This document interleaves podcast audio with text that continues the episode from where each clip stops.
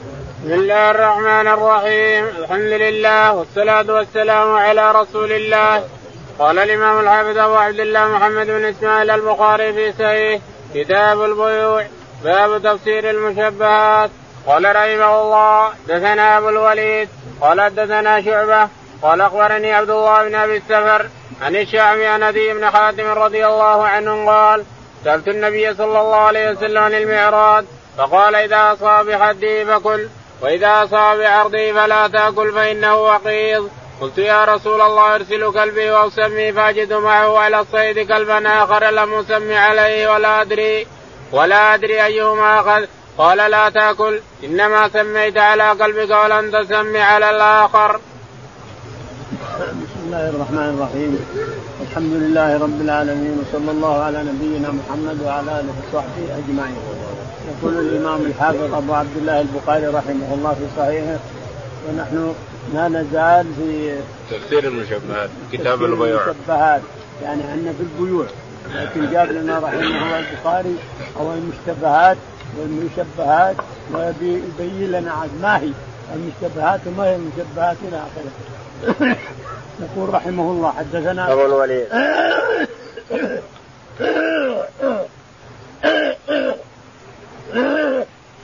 حدثنا أبو الوليد قال حدثنا شعبة. شعبة قال حدثنا عبد الله بن أبي السفر. عبد الله بن أبي السفر قال عن الشعبي. عن الشعبي عن عدي بن حاتم. عن عدي بن حاتم رضي الله تعالى عنه الطائي يقول إنه قال للرسول عليه الصلاة والسلام إني أصيد الأرنب والظبي بالمعراض، المعراض حديثة طويلة وثقيلة، إذا نزلت عليه بعرضها مات وقيل يصير وقيل، وإن طعنها طعن بحربة وشقت الجلد صار حلال، وإن ضربها بثقله ماتت فهو وقيل لا يجوز أكلها، لأن الوقيل هو الذي يضرب بثقيل ويموت من هذا الثقيل اللي طاح عليه، جدار وإلا يطيح بير ولا يطيح على يضرب صخره كبيرة ويموت فإنه وقيل لا يحل. لكن المعراض له حد فإذا ربت بحده وطلع الدم صار حلالا. ففرق بين الحلال والحرام. اللي يضرب بعرضه هذا حرام. بحده المحدد ويخرج الدم فهو حلال. هذا معنى المشبهات. يعني هذا حرام وهذا حلال. وبين قال نعم. قلت يا رسول الله أرسل كلبي واسمي فاجده معه قال ثم جاء بمسألة أخرى. يقول أرسل كلبي المعلم يريده أن يصير لظبي أو أرنب أو شيء من هذا. لكن يجتمع معه كلب آخر. يجي كلب آخر من برا ما دريت عنه. أنا سميت على كلبي بسم الله وأطلقت كلبي. لكن اختلط به كلب آخر قال لا تأكل فإنك إنما سميت على كلبك ولم تسمي على الآخر. سميت على كلبك وحده ولم تسمي على الآخر. فهي مشتبهة. فلا تأكلها؟ لا تأكل من اللي سميت على كلبك ولم صار معه كلب آخر. صاده ما تدري لو اللي صاده الكلب الثاني الذي ما سميت عليه فلا تأكل. نعم. باب ما يكره من الشبهات. قال رحمه الله دثنا قبيصة. قال دثنا سفيان منصور عن طلحة عن أنس رضي الله عنه قال مر النبي صلى الله عليه وسلم بتمرة مسقوطة فقال لولا أن تكون صدقة لاكلتها وقال همام عن أبي هريرة رضي الله عنه عن النبي صلى الله عليه وسلم قال أجد تمرة ساقطة على فراشي. يقول البخاري رحمه الله من تفسير أيضا المشتبهات. فسرها لنا.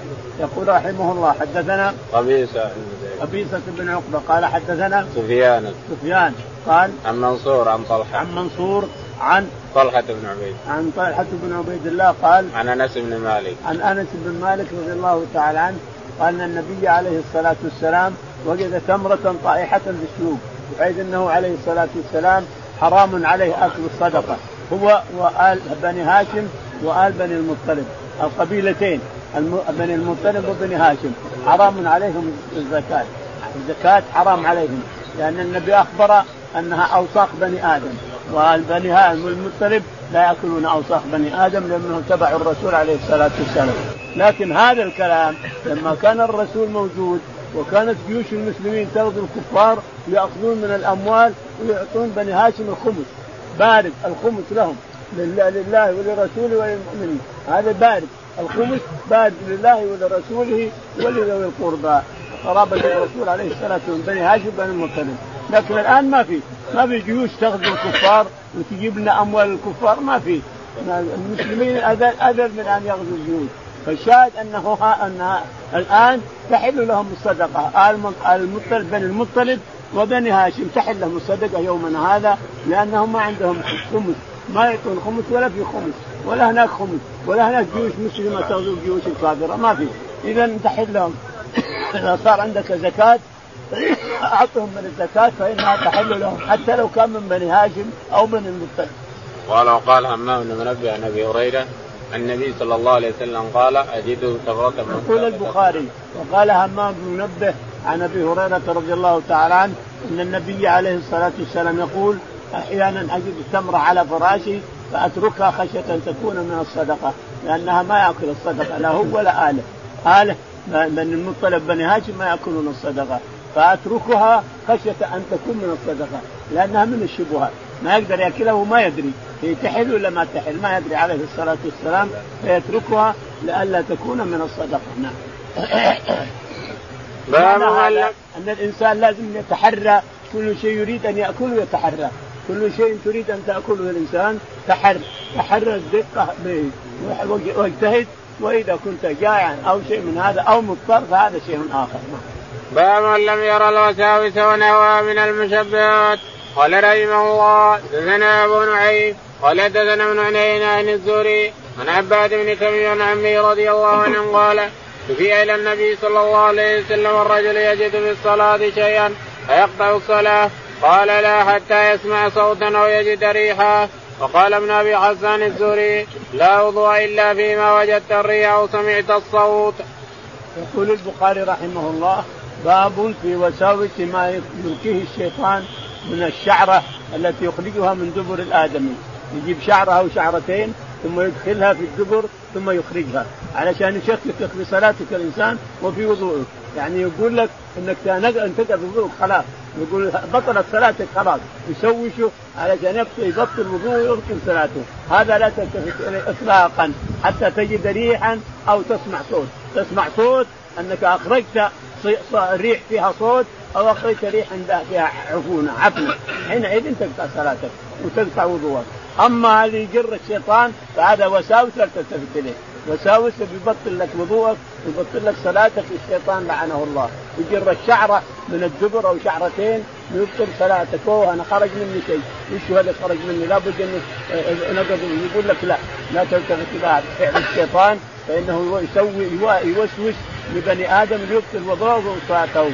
فلا تنتقل وضوءك ولا ينتقل صلاتك إلا إذا سمعت ريحا سمعت صوت الريح طالع من دبرك أو شممت رائحة عفنه طلعت من دبرك حينئذ انتقض الوضوء وأما الوساوس فلا تلتفت اليها نعم.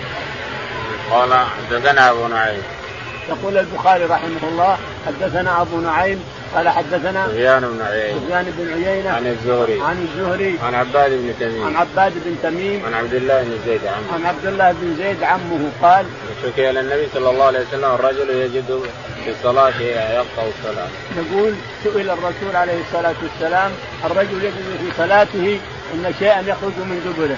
قال لا يلتفت إليه إلا أن يجد صوتا أو ينتشر ريحا. يشم ريح عفنه أو يجد يسمع صوتا خرجت منه. حينئذ ينتقض أما إذا لم يسمع صوتا ولم يجد ريحا عفنة فلا يلتفت إلى وساوس الشيطان. نعم. وقال ابن أبي حفصة عن الزهري قال ابن أبي حفصة عن الزهري بمعنى الحديث. لا وضوء إلا فيما وجدت الريح أو لا وضوء إلا ما فيما وجدت منه ريحا أو وجدت منه صوتا. نعم. قال رحمه الله حدثني أحمد بن المقدام العجلي قال حدثنا محمد بن عبد الرحمن الطفاوي قال حدثنا هشام بن عروة نبي عائشه رضي الله عنها إن قوما قالوا يا رسول الله إن قوما يأتوننا باللحم لا ندري اذكر اسم الله عليه أم لا فقال رسول الله صلى الله عليه وسلم سموا الله عليه وكلوه. يقول البخاري رحمه الله حدثنا أحمد بن المقدام. أحمد بن المقدام قال حدثنا محمد بن عبد الرحمن. محمد بن عبد الرحمن الطفاوي قال حدثنا هشام بن عروة. هشام بن عروة عن أبيه. عن أبيه عروة بن الزبير عن عائشة. عن عائشة رضي الله تعالى عنها قالت كان أعراب من ألو... الصلب يسميه يسمونهم الناس الصلب خلوة. كانوا يصيدون الظباء ثم يسكونها ثم يجون يبيعونها على المدينة وغير المدينة. يبيعونها على الناس أهل المدن يبيعونها على الشيك من ألذ ما يكون لأنهم يشونه يجيبونه يبيعونه على المدن. تقول عائشة رضي الله عنها فسئل الرسول عليه الصلاة والسلام عما يأتي به الخلوة لأن الخلوة قد لا يسمون الله ما يعرفون شيء لا يصلون ولا يتغسلون ولا شيء. قال أنتم سموا الله وكلوا أنتم سموا الله وكلوا. يعني لا اطرح الشك باليقين وهو أن تسمي الله على ما جاءك وتأكل وكذلك اليوم. ما يأتينا من المصبرات ما ندري اسموا الله عليها أم لم يسموا بأي شيء ذبحت هل بالكهرب هل بسكين هل بفاروع هل بكذا هذا كله تأكله ولا تسأل. لا تسأل قل بسم الله الرحمن الرحيم وكله ولا تسأل. لأن الله أباح أشياء سكت عن أشياء رحمة لكم غير نسيان فلا تبحثوا عنها. فإذا بحثت عنها قلت هذا وش؟ ذبح بسكين ولا بالكهرب ولا بفاروع ولا من ذبحه كافر ولا مسلم. وسالت لازم تنفذ ما جاءك من الجواب. تنفذ ما جاءك من الجواب. أما إذا أكلت ولم تسأل فهو إذا لم تسأل ولم تبحث فالله تعالى سكت عن أشياء رحمة بكم غير نسيان فلا تبحثوا عنها. فنحن نأكل من مصبرات الدجاج اللي تأتي والغنم اللي تأتي والأشياء اللي تأتي ونسمي الله تعالى وتقدس ولا نبحث عن أصلها. أصلها ذبحت شيء ولا ما ذبحت ما نسأل. نأكل ولا نسأل. حينئذ لا حرج عليك. نعم. باب قول الله تعالى وإذا رأوا تجارة أو لهوا انفضوا إليها قال رحمه الله دثنا توحة بن غنام قال حدثنا زايد عن حسين عن سالم أنه قال حدثني جابر رضي الله عنه بينما نحن مع نصلي مع النبي صلى الله عليه وسلم إذا أقبلت بنا الشام عير تحمل طعاما فالتفتوا إليها حتى ما بقي مع النبي صلى الله عليه وسلم إلا اثنا عشر رجلا فنزلت واذا رأوا تجارة أو لهوا انفضوا إليها. يقول البخاري رحمه الله باب تفسير قوله تعالى فإذا رأوا تجارة أو لهوا انفضوا إليها وتركوك قائمه قل ما عند الله خير من اللهو يعني الدنيا، اللهو هي الدنيا وأن من التجارة والله خير الرازقين. يقول البخاري رحمه الله نعم. كان طلحة بن غنام. يعني إن إن الصحابة رضي الله تعالى عنهم كانوا جياع. جياع ما عندهم طعام ولا عندهم شراب ما عندهم جياع طعام ولا عندهم ملابس. فسمعوا أن الحضرمي العلاء بن الحضرمي رضي الله تعالى عنه أرسله الرسول البحرين يجد منهم يجد صدقاتهم وخراجهم وما إلى ذلك ورجل سمعوا إنه ورد. إنه وصل المدينة فتركوا الرسول يخطب وذهبوا إليه وبقي معه 12 قيل معه 40 وهذا مذهب الإمام أحمد. أن الناس إذا اجتمعوا 40 نفر صلوا الجمعة وأقل. أبو حنيفة إذا كانوا 12 صلوا الجمعة وأقل إلى آخره. الشاهد أنهم ذهبوا وتركوا الرسول عليه الصلاة والسلام يخطب. فلامهم رب العالمين تعالى تقصد وإذا رأوا تجارة أو لهوا انفضوا إليها وتركوه قائما. قل ما عند الله؟ اللي عند الله السمع للخطبه فهو خير من التجارة وخير من الدنيا. فهو خير ما عند الله خير من اللهو ومن التجارة. والله خير الرازقين. يرزقكم حتى لو ما جاء تجارة حتى لو ما جاء شيء يرزقكم ربكم تعالى. وتقدس ارزاقا قد لا تعلمون بها. نعم. قال حدثنا طلق بن غنام. يقول البخاري حدثنا طلق بن غنام. قال حدثنا زائدة زائدة قال حدثنا حسين بن عن حسين بن عبد حسين المعلم قال حسين بن عبد عن سالم. عن سالم. قال قال حدثني جابر بن عبد الله. قال حدثني جابر بن عبد الله رضي الله عنه. نعم. قال بينما نحن نصلي مع النبي صلى الله عليه وسلم إذا أقبلت عير من الشام يقول جابر بينما نحن نصلي مع النبي عليه الصلاة والسلام الجمعة اذ وردت قافلة فيها العلاء بن الحضرمي وفيها طعام وفيها ملابس وفيها فانصرفوا والرسول يخطب عليه الصلاة والسلام وتركوا الرسول قائما يخطب. نعم. فنزلت وإذا رأوا فنزل قول الله تعالى وإذا رأوا تجارة أو لهوا انفضوا إليها وتركوك قائما قل ما عند الله خير من اللهو ومن التجارة والله خير الرازقين. قد لا ينفعك هذا الشيء. أني ولدته حتى لو أعطيت منه قد لا ينفعك ولا يطرح به بركة لكن انظر إلى رزق الله الذي تعالى وتقدس هو البركة نعم. باب من لم يبال من حيث كسب المال قال رحمه الله دثنا آدم قال حدثنا ابن أبي ذئب قال حدثنا سعيد بن المقبري عن أبي هريرة رضي الله عنه عن النبي صلى الله عليه وسلم قال يأتي على الناس زمان لا يبالي المرء ما أخذ منه أمن الحلال أم من الحرام. يقول البخاري رحمه الله باب سيأتي على الناس باب من لا يبالي من الحرام أخذ أو من الحلال أخذ. الحلال عندهم في يومنا هذا الحلال ما حل باليد. شيء يجي في يدك خلاص كله. ولا تسأل حلال ولا حرام. الحلال ما حل باليد. ما جاءك من هالمال كله ولا تسأل. حلال وحرام تحرم نفسك المال ليش؟ لا تحرم نفسك المال. يتواصون بهذا ويسرقون. ويزيفون ويكذبون لأجل يأخذ مال حرام لأجل يأخذ مال حرام يسرق ويكذب ويزيف الكلام ويزيف الأشياء لأجل يأخذ مال حرام. حرام صرف بعد ما هو حلال حرام صرف يقول البخاري رحمه الله حدثنا آدم بن أبي آدم بن أبي إياس. قال حدثنا ابن أبي ذئب. ابن أبي ذئب. قال حدثنا سعيد المقبري سعيد المقبري عن أبي هريرة. عن أبي هريرة رضي الله تعالى عنه قال النبي صلى الله عليه وسلم قال يأتي على الناس زمان لا يبالي المرء ما أخذ منه. يقول أبو هريرة إن النبي عليه الصلاة والسلام قال يأتي على الناس زمان لا يبالي الإنسان ما وقع في يده حلال أو حرام. ما يبالي. الحلال محل باليد حل بيد فلوس خلاص. يأكلها وخلاص. لكن هذه تربية أولادك. تربيهم بالحرام يطلعون شياطين نعوذ بالله. يطلعون جبابرة طغاة احرص على الحلال أحسن لك الانسان نعم باب التجارة في البر. وقوله وقوله تعالى رجال لا تلهم تجارة ولا بيع عن ذكر الله.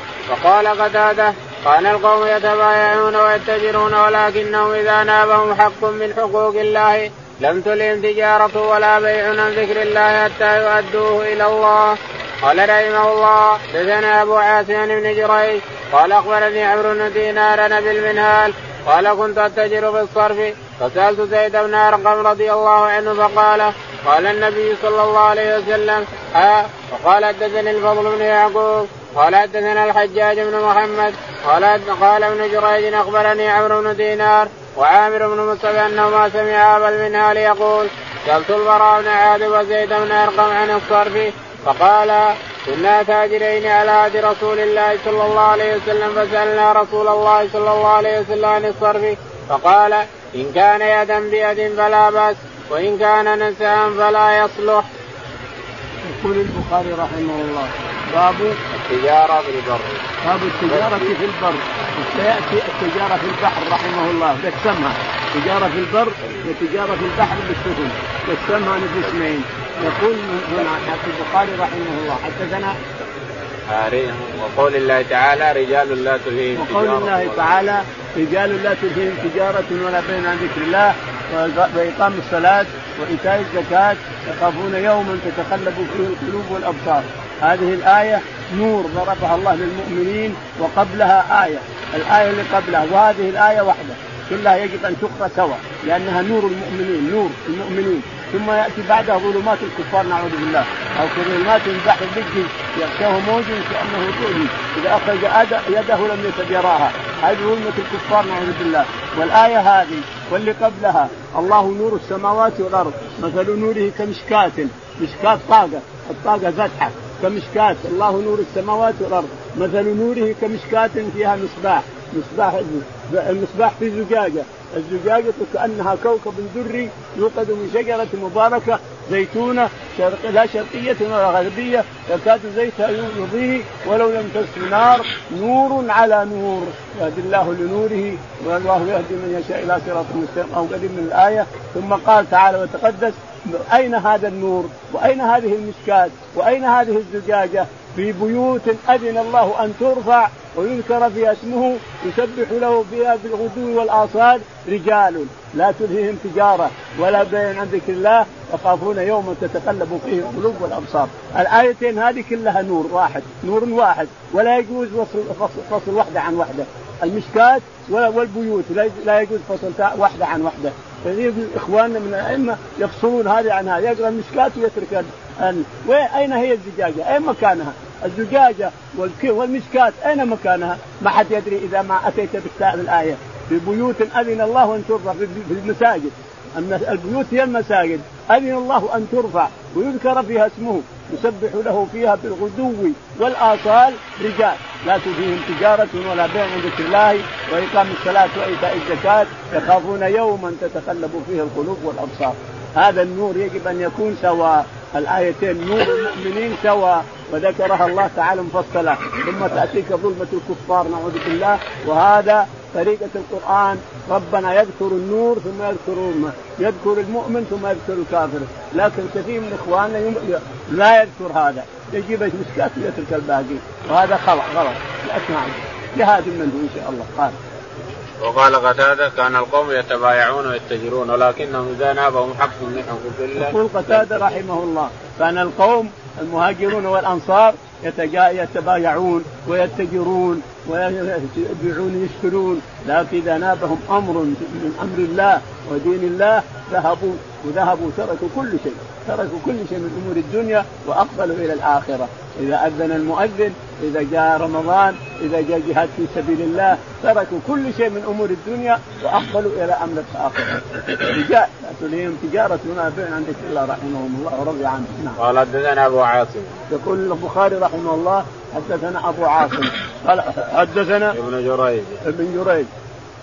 قال حدثنا عمرو بن دينار. عمرو بن دينار. عن أبي المنهال. عن أبي المنهال يسمى عبد الرحمن. قال حدثنا قال كنت أتجر في الصرف فسألت زيد بن أرقم.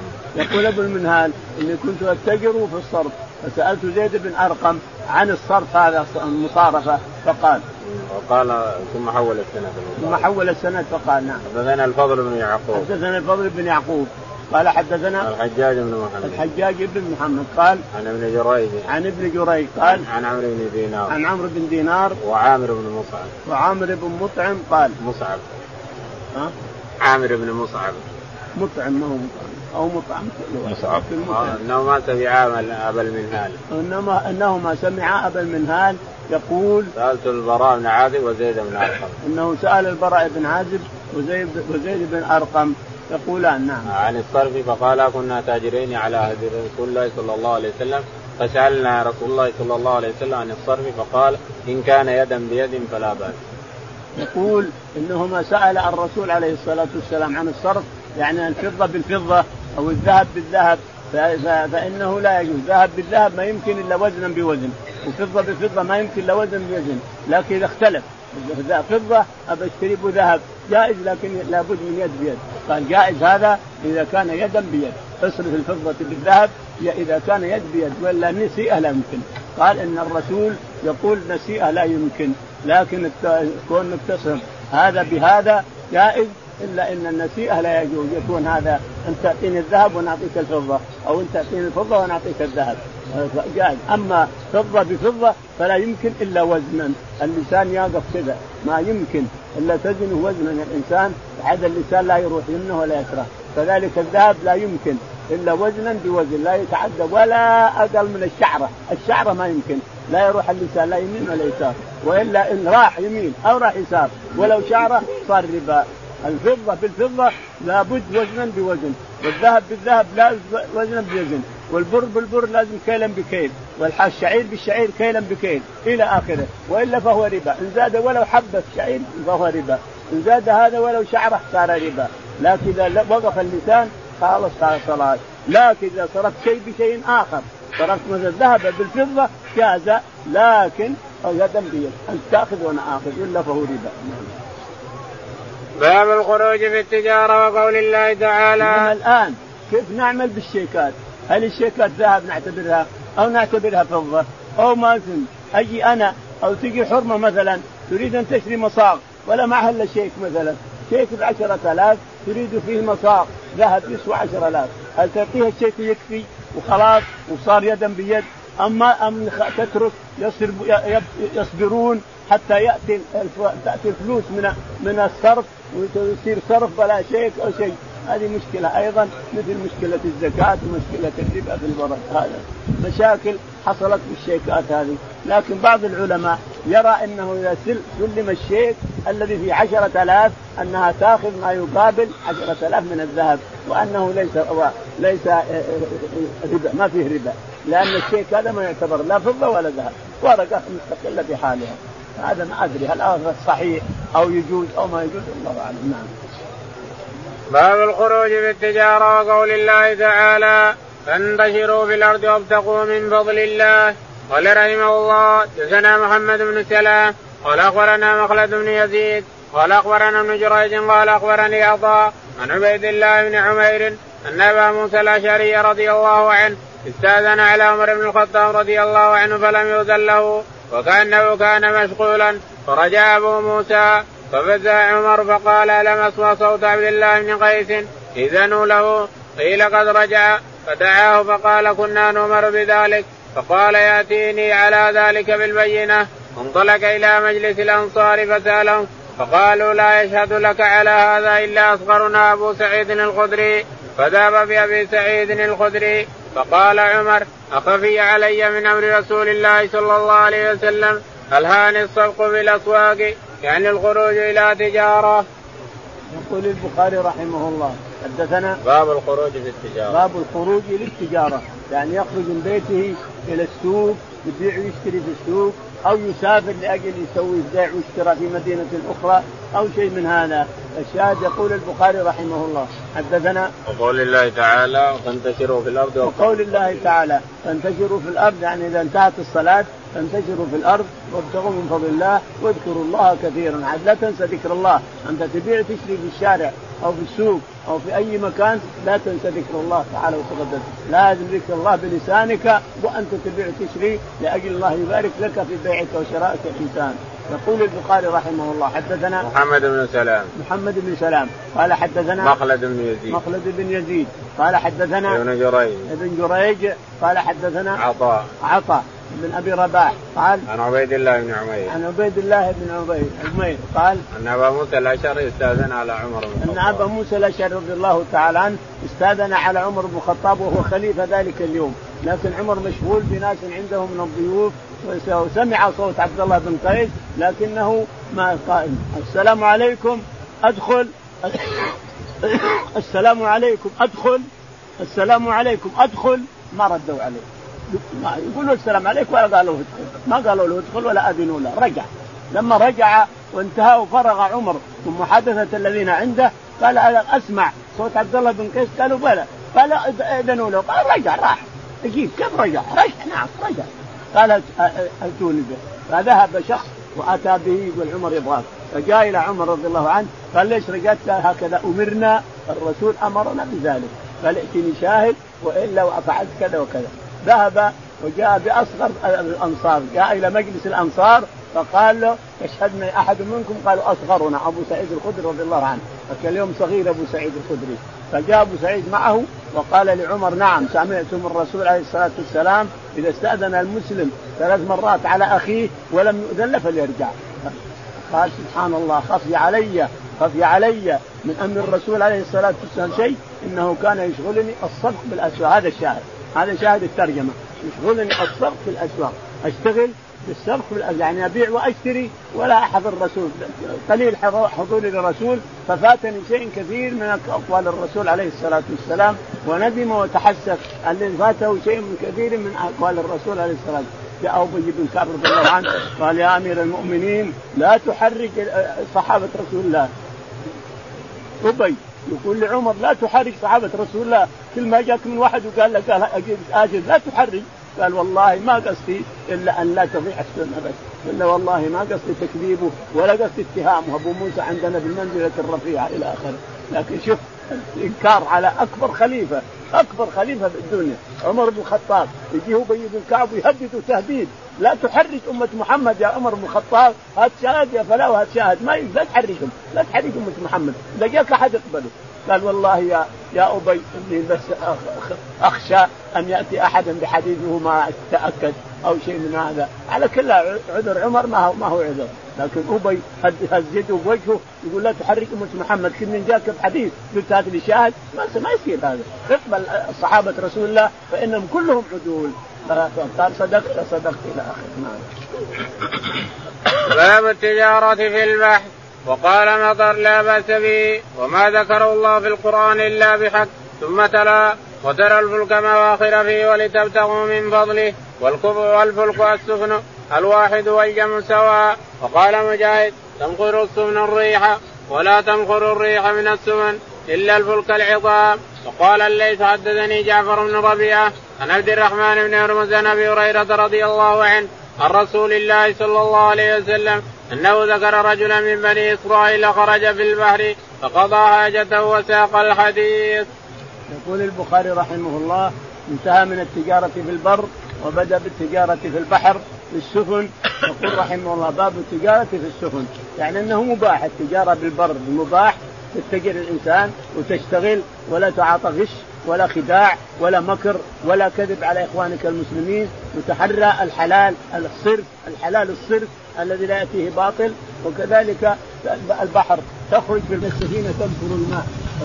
فسرها بعض العلماء بغير هذا التفسير. لكن أرى أنا أن السفينة تمخر يعني تشق الماء شق.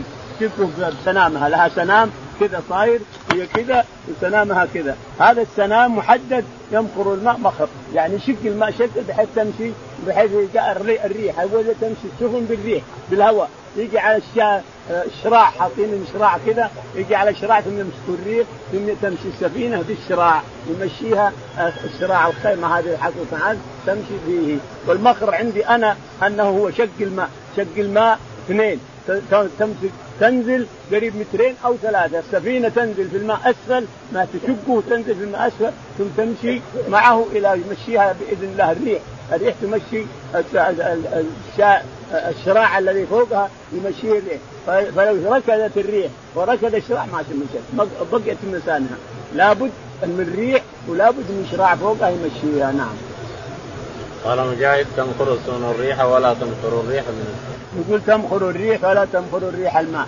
لكن السفينة اللي تمخر الريح بسنامها لا بالريح. الريح الريح تمشي السفينة.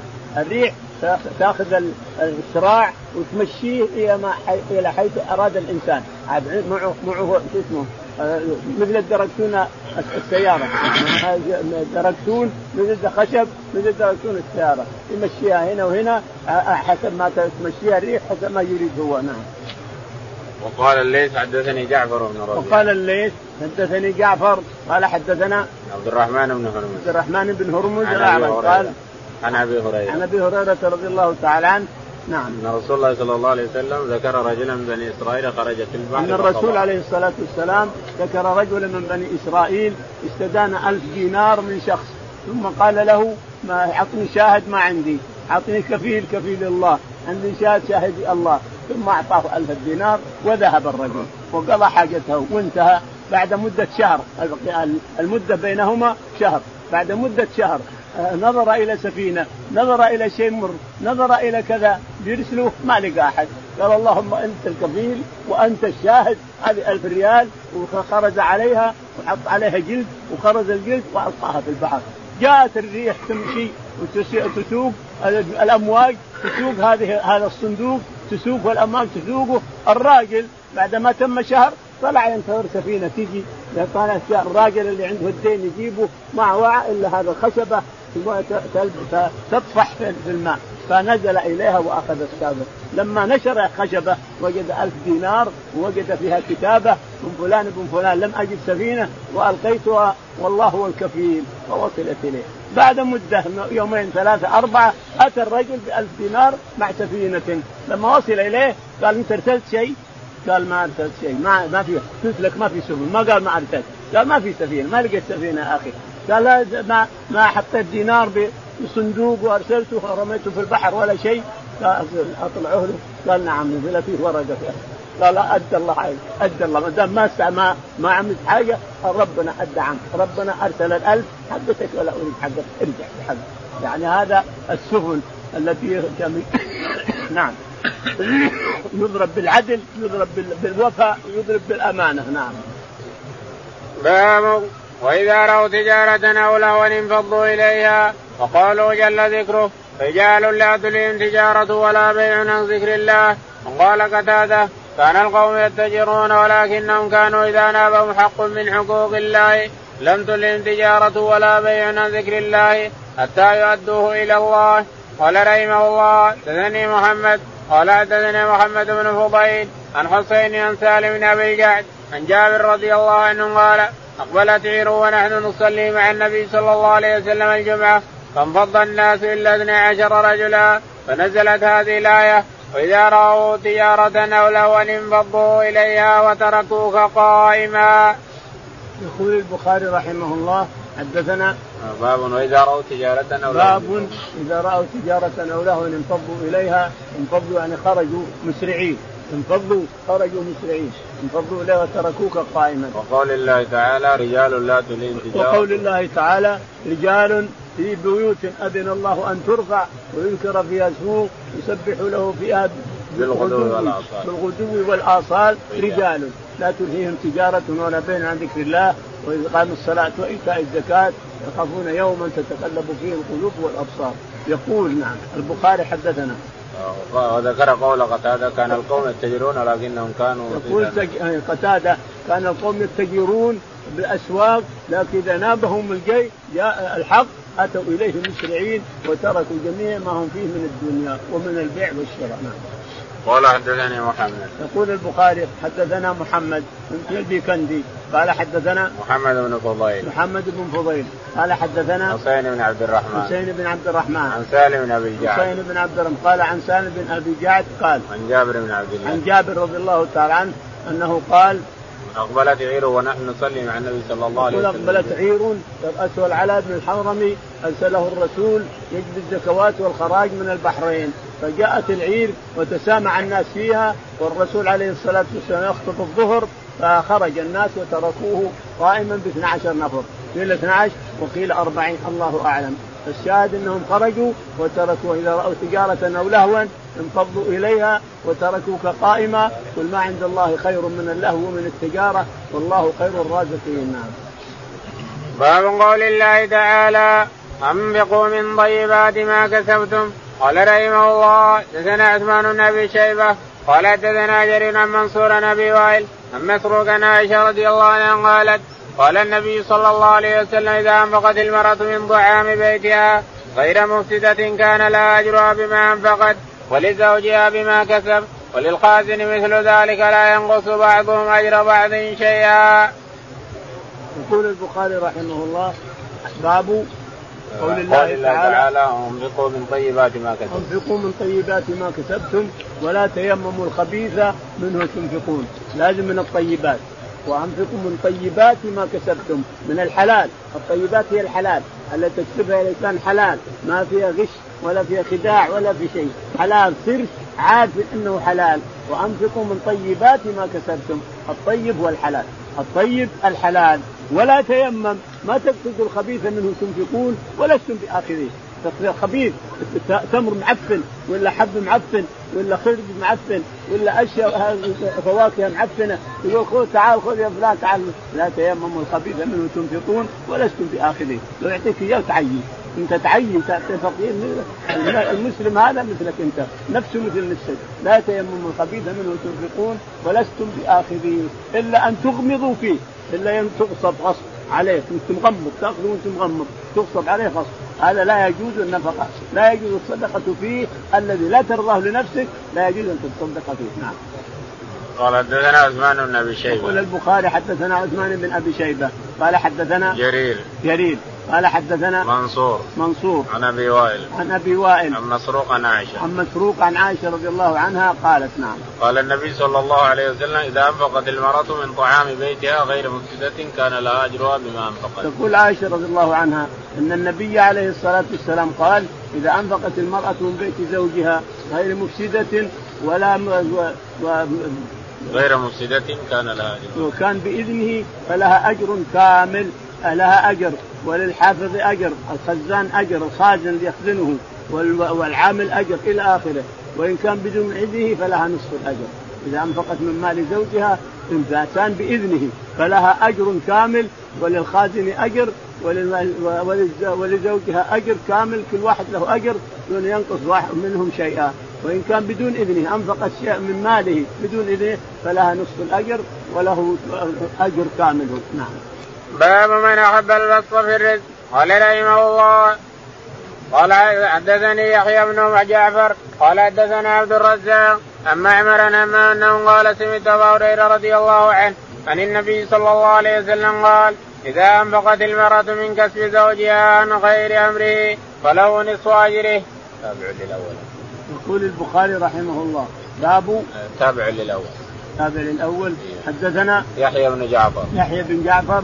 قال حدثنا عبد الرزاق. عبد الرزاق. عن معمر. عن معمر. عن همام. عن همام بن منبه عن أبي هريرة. عن أبي هريرة رضي الله تعالى عنه أن النبي عليه الصلاة والسلام قال إذا أنفقت المرأة بغير إذن زوجها فله نصف الأجر. نعم.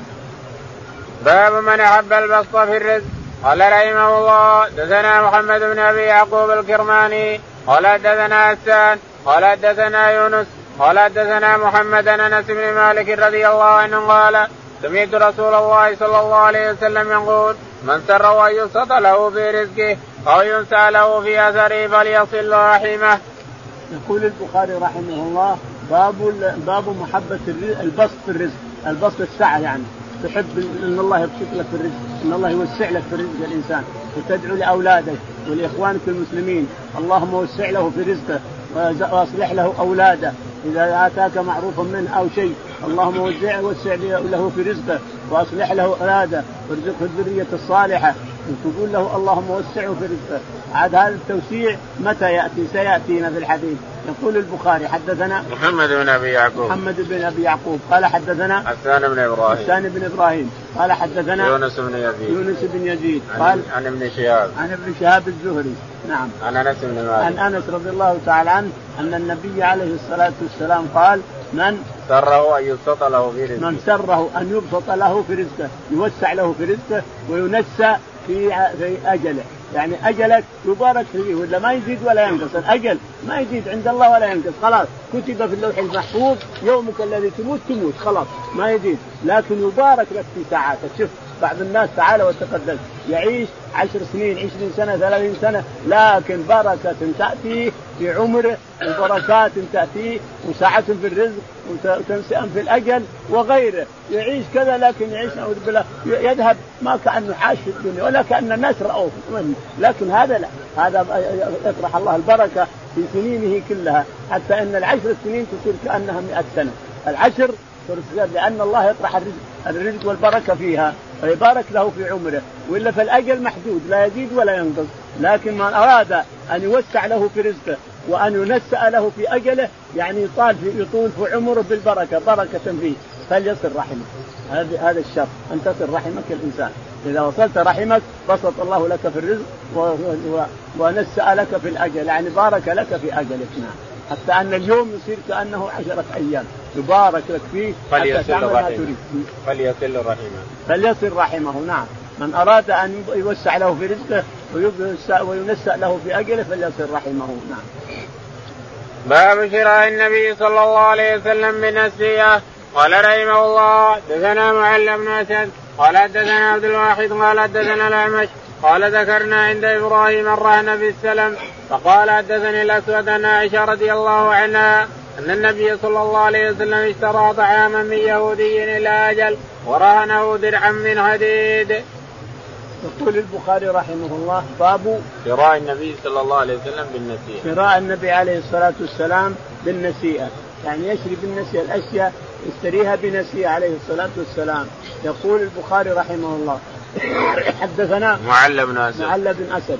قال حدثنا عبد الواحد. عبد الواحد بن زياد. قال حدثنا الأعمش. الأعمش سليمان. قال قال ذكرنا عند إبراهيم الرهن في السلم. يقول تذاكرنا عند إبراهيم بن يزيد النخعي.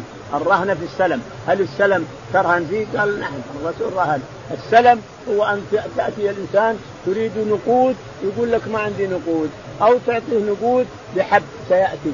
يعني بحب بعد شهر أجيب لك مثلا عشرة كل صاع بعشرة ريال ويعطيك مثلا 100 ريال. يسلمك المئة نقدا والحب دينا بعد شهر تجيب له الحب الإنسان ولا يجوز أن تشترط من ثمرة معينة أو حب معين. أنت تأتيني بحب.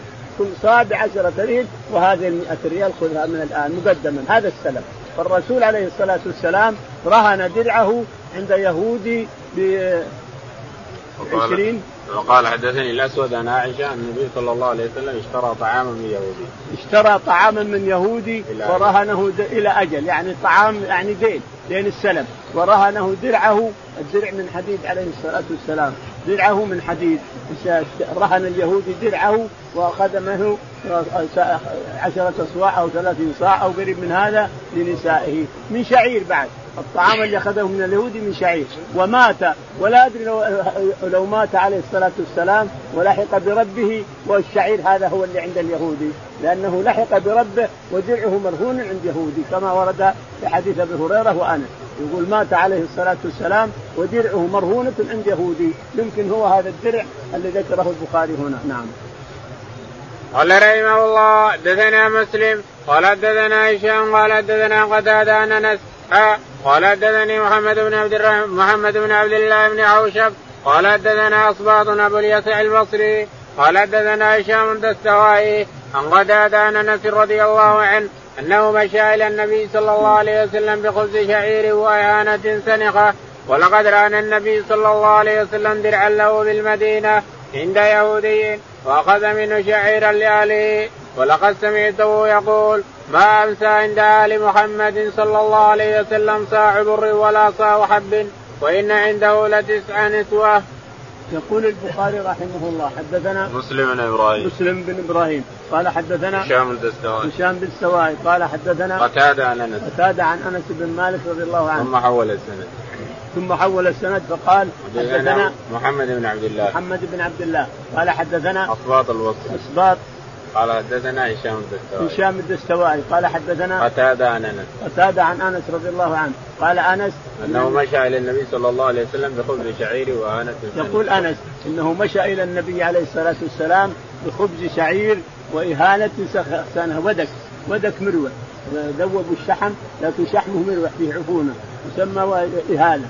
إهانة يعني خبز من شعير وإهانة من ودك. إذا ما شابه إلى الرسول عليه الصلاة والسلام يأكله يجوز أن يكون من أمه أم سلمة ام أم سليم يجوز هذا نعم. و ولقد رهن النبي صلى الله عليه وسلم درعا له بالمدينة عند يهودي ولقد رهن الرسول عليه الصلاة والسلام درعا له عند يهودي بآصع من شعير وإن أهله وإن عنده لتسع نسوة عليه الصلاة والسلام. ما أمسى عند آل محمد صاع بر ولا ويقول أنس ما أمسى عند آل محمد صاع بر مرة واحدة. صح حب يعني الحب البر المدينة والبر بر الشام. يقول ما ما أمسى يوم من الأيام عند آل محمد البر، البر ما يعرفونه. الأكل كله شعير في المدينة كل الأكل واحد أو اثنين أو ثلاثة من أغنياء اللي يجد البر أو يجد الحب. وإلا فعيش الرسول عليه الصلاة والسلام وطعامه من الشعير. هو وزوجاته. نعم. وإن عنده لتسع نسوة وإن عنده لتسع نسوة عليه الصلاة والسلام. باب كسب الرجل وعمله بيده قال رحمه الله دثنا إسماعيل بن عبد الله قال دثني ابن أبي يونس بن شهاب قال حدثني عروة بن الزبير أن عائشة رضي الله عنها قالت لما استخلف أبو بكر الصديق رضي الله عنه قال لقد علم قومي أن حرفتي لم تكن تعجز عن مؤونة أهلي وشغلت بأمر المسلمين فسيأكل آل أبو بكر من هذا المال ويحترف للمسلمين فيه. يقول البخاري رحمه الله باب كسب الرجل وعمله بيده. باب كسب الرجل وعمله بيده من يده؟ يقول البخاري حدثنا إسماعيل بن عبد الله. إسماعيل بن عبد الله قال حدثنا عبد الله بن وهب. عبد الله بن وهب قال حدثنا يونس بن يزيد. يونس بن يزيد. عن ابن شهاب. عن ابن شهاب الزهري قال عن عروة. عن عروة بن الزبير عن عائشة رضي الله تعالى عنها إن النبي عليه الصلاة والسلام لما قالت لما استخلف أبو بكر النبي لما مات استخلف أبو بكر الصديق رضي الله تعالى عنه وكان يبيع ويشتري ويكسب لأهله. يعني يكون بمؤنة أهله بالبيع والشراء. أبو بكر الصديق رضي الله عنه يبيع ويشتري في الأسواق ويقوم بمؤنة أهله بالبيع والشراء. لكن لما استخلف من الذي يفعل؟ ما يقدر يبيع ويشتري في الأسواق وهو خليفة. أمور المسلمين الآن في يده صارت بعنقه لكن قال لهم افرضوا لي. فأنا باكل بيت مال المسلمين أكل الأمين الصادق ففرض له الأنظر.